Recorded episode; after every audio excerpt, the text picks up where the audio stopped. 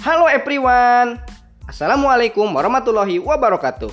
Saya Thomas Megantara akan memaparkan materi tentang konsep dan cara penggunaan media pembelajaran Explosion Book.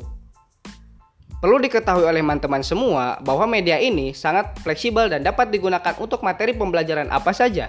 Akan tetapi, materi pembelajaran yang paling kami rekomendasikan adalah materi tentang sejarah kawasan. Misalnya sejarah Asia Tenggara, sejarah Eropa, sejarah Afrika, sejarah Amerika, dan sebagainya. Mengapa media ini cocok untuk materi sejarah kawasan? Karena pada setiap sisi explosion book kita dapat membagi berdasarkan negara-negaranya. Misalnya kita akan membahas tentang sejarah Asia Timur. Jumlah sisi dari box tersebut ada empat sisi. Masing-masing sisi kita tempelkan bendera negara Asia Timur.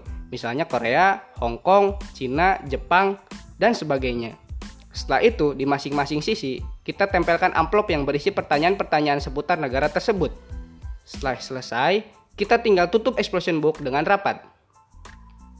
Let's play the game. Ajak salah satu peserta didik untuk bermain. Kita sediakan dadu. Apabila mendapatkan angka lebih dari 4, kita tinggal menghitung sisanya dari awal. Misalkan kita mendapatkan angka nomor 2. Ajak peserta didik untuk membuka tutup boxnya dan boom, explosion book terbuka. Ternyata bilah nomor 2 berbendera negara Jepang.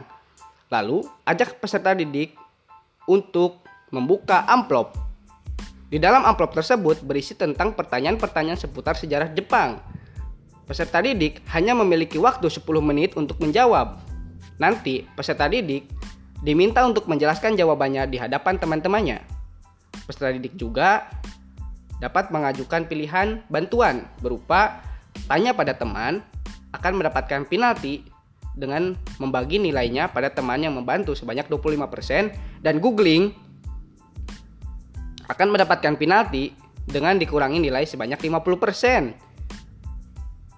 Mungkin itulah sekilas tentang cara pelaksanaan ataupun konsep dari media pembelajaran Explosion Book.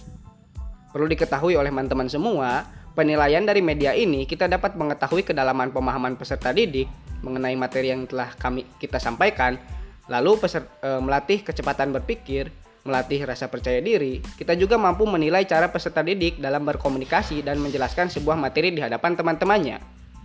Wow, sangat baik sekali.